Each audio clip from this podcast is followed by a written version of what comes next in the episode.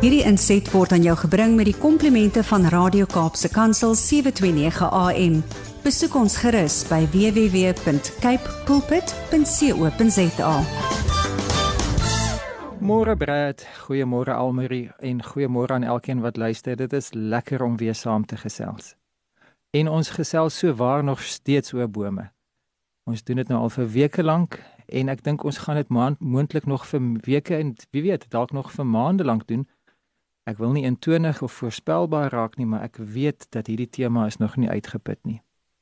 Ons het na die natuur gekyk, ons het na die Bybel gekyk, ons het na ons eie lewens gekyk en bome raak gesien. Baie lesse daaruit geleer, baie beginsels opgetel en baie antwoorde gekry. Ek persoonlik het baie baie lewensantwoorde al gevind deurdat ek na 'n boom gekyk het, vir die Here gevra het en hy vir my iets daaruit gewys het. En ek hou daarvan om antwoorde te hê. Maar Brad, Almarie, vanoggend moet ek vir julle sê, ek het nie vanoggend antwoorde nie, ek het 'n klomp vrae. En ek wil ons tydjie wat ons saam gesels, so die tema gee wortel en tak uitgeroei. Wortel en tak uitgeroei toe ek nou daaroor gedink het, toe besef ek man Engels is die die naaste wat ek mens daaraan kan kom waarskynlik om te sê something has been eradicated. Eradicated. Annihilated kan ook werk, dan is dit totaal en al vernietig. Maar ek dink dat eradicated is waarskynlik die mees made to be totally extinct kan ook nogal kan kan ook nogal werk. En vanoggend vroeg toe die sonnetjie so opkom en ek daar in Jack Miller Park so 'n bietjie stap en net met die Here gesels en my eie gedagtes agter mekaar kry sodat ek my vrae wat ek aan myself wil vra en die vrae wat ek aan elkeen wat my stem hoor kan vra net agter mekaar kry. En die son skyn so mooi deur die takke daarvan van die bome in Jack Miller Park en daar's dou op die blare en daar's soos tarantale in die agtergrond en dit is dis ek maak dit nog meer idillies as wat dit regtig is, maar dit was regtig mooi geweest. Toe dink ek ek is so dankbaar dat dit 'n klomp inheemse bome is wat in daai mooi distrikspark in die noordelike voorstede van uh, van Kaapstad in die hartjie van Belwel, dat dit 'n klomp inheemse bome is wat daar staan. Want as um, mense nie beheer neem nie, dan kan indringer spesies so maklik oorvat daar is so iets soos 'n 'n wattleboom, daar is so iets soos 'n uh, 'n Port Shepstone boom, daar is so iets soos 'n uh, ander indringerplante wat net wil kom oorvat en en omdat hulle nie natuurlike vyande het nie, dan dan begin hulle net al die plaaslike inheemse spesies begin hulle verdring en die indringerplante vat oor. En een van die bydraende faktore wat ons gehad het hier in die Kaap uh, ja 2 3 jaar terug met Day Zero was dat die water wat moet loop na die damme toe daardie stroompies daardie riviere was omring met indringerbome gewees. En daai indringerbome vat baie meer water as wat hulle moet. En dan in plaas van dat die water afloop in die rivier dan word dit opgeneem deur die bome en dan keer hulle eintlik dat die damme kan vol word. In Kebega die die Port Elizabeth omgewing wat nou ook uh, hierdie gevaar in die oog staar om ook binne 2 uh, 3 weke uh, op 'n day zero te wees. Ek vermoed dat een van die bydraende faktore is nie net die feit dat dit minder reën of dat daar droogte is nie, maar dit is dat die strome en die riviertjies nie die damme volmaak nie as gevolg van indringerspesies.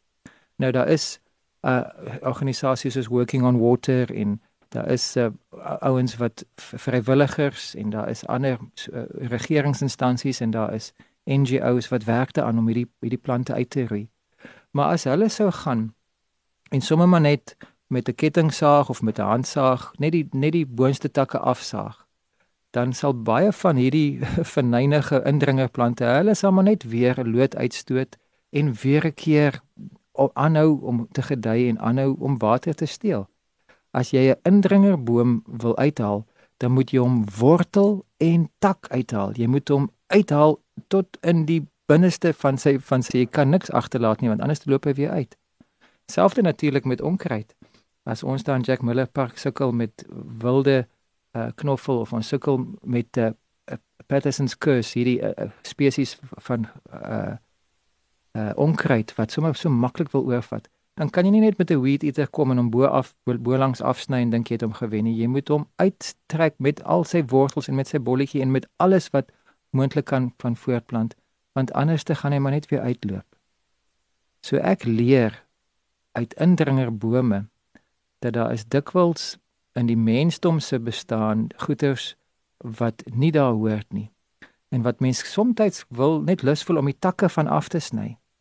As ek dink aan iets soos wêreldhonger, dan wil ek net die takke afsny deur te sê kom ons kom ons kry net vliegtye, vragvliegtye en bote en vragmotors en treine vol mieliemeel en ons ry dit aan na die regte plekke toe en ons gooi dit daar op in 'n in 'n in 'n skuur en ons begin uitdeel. En op 'n manier sal dit sekerlik 'n verskil maak.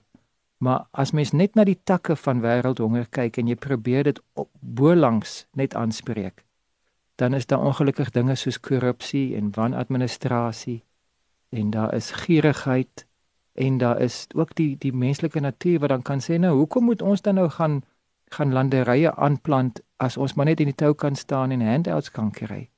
So om die tak van wêreldhonger aan te spreek gaan nie werk nie. Ons moet na die wortel van wêreldhonger kyk en ons moet kyk na maniere hoe mense subsistence farming op 'n sustainable manier kan doen.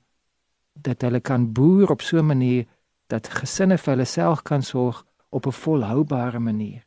Nie net die takke aanspreek nie, maar die wortel ook. Daar is die ander afgryse, soveel ander verskriklike dinge soos kinderhandel, mensehandel, human trafficking En as ons maar elke ou wat wat ge uh uh gevang word met mense wat on, on, onvrywilliglik uh, in sy uh besit is, daai ou net in die tronk stop, dan het ons 'n tak afgesny. Ons het definitief 'n verskil gemaak. Dinge gaan vir die oomblik beter. Maar ons het nog nie by die wortel uitgekom nie.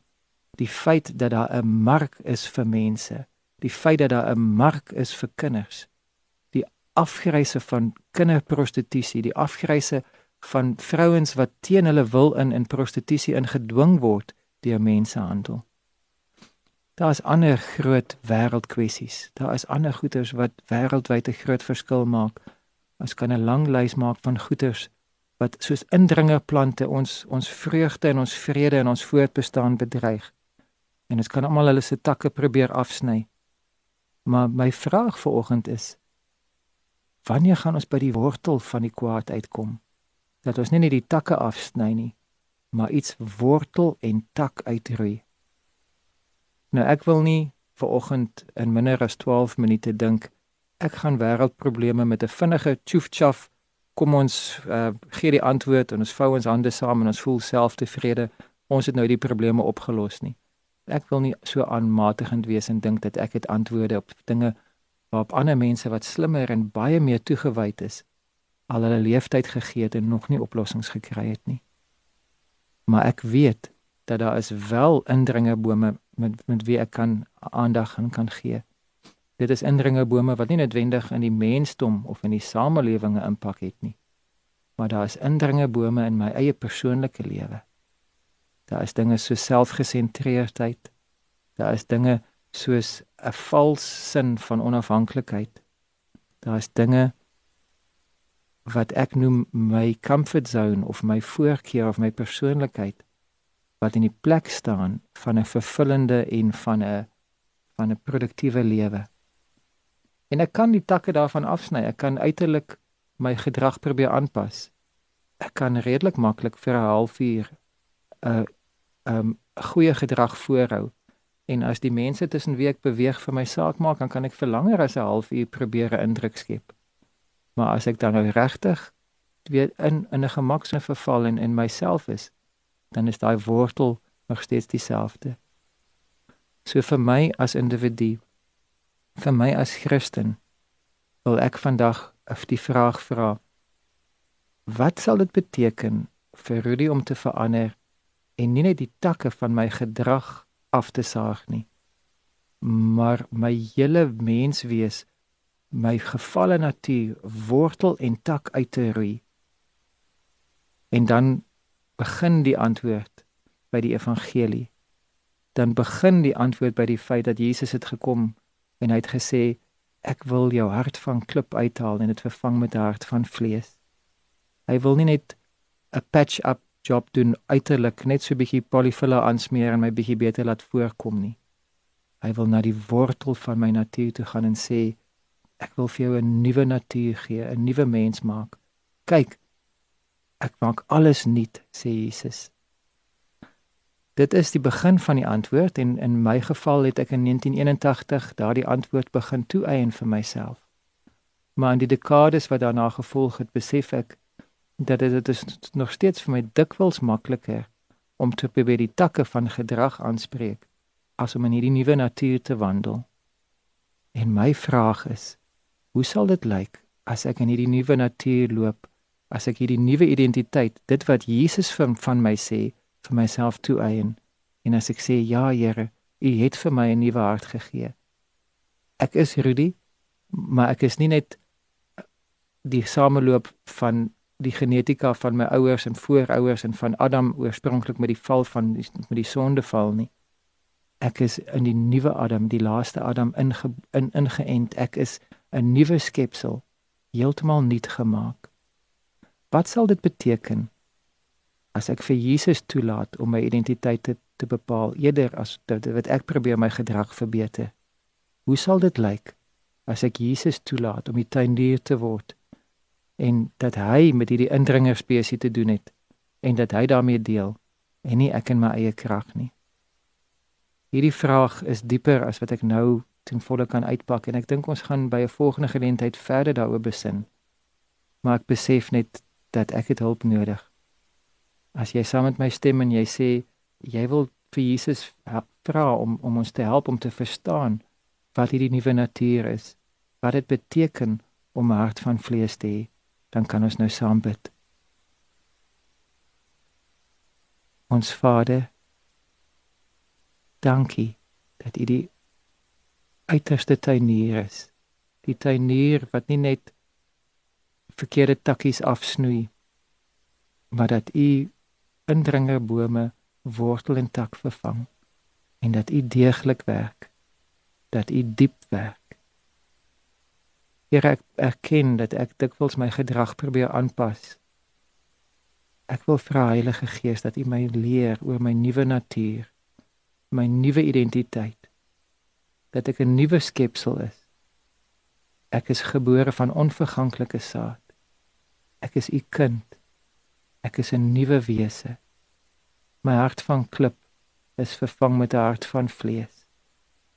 Leer my daarvan en help my om vry te kom van my eie pogings en toe te laat dat u 'n diep en deeglike werk doen.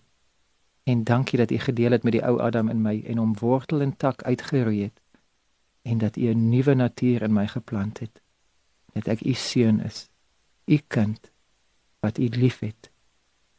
Dankie Jesus. Amen. Hierdie inset was aan jou gebring met die komplimente van Radio Kaapse Kansel 729 AM. Besoek ons gerus by www.cape pulpit.co.za.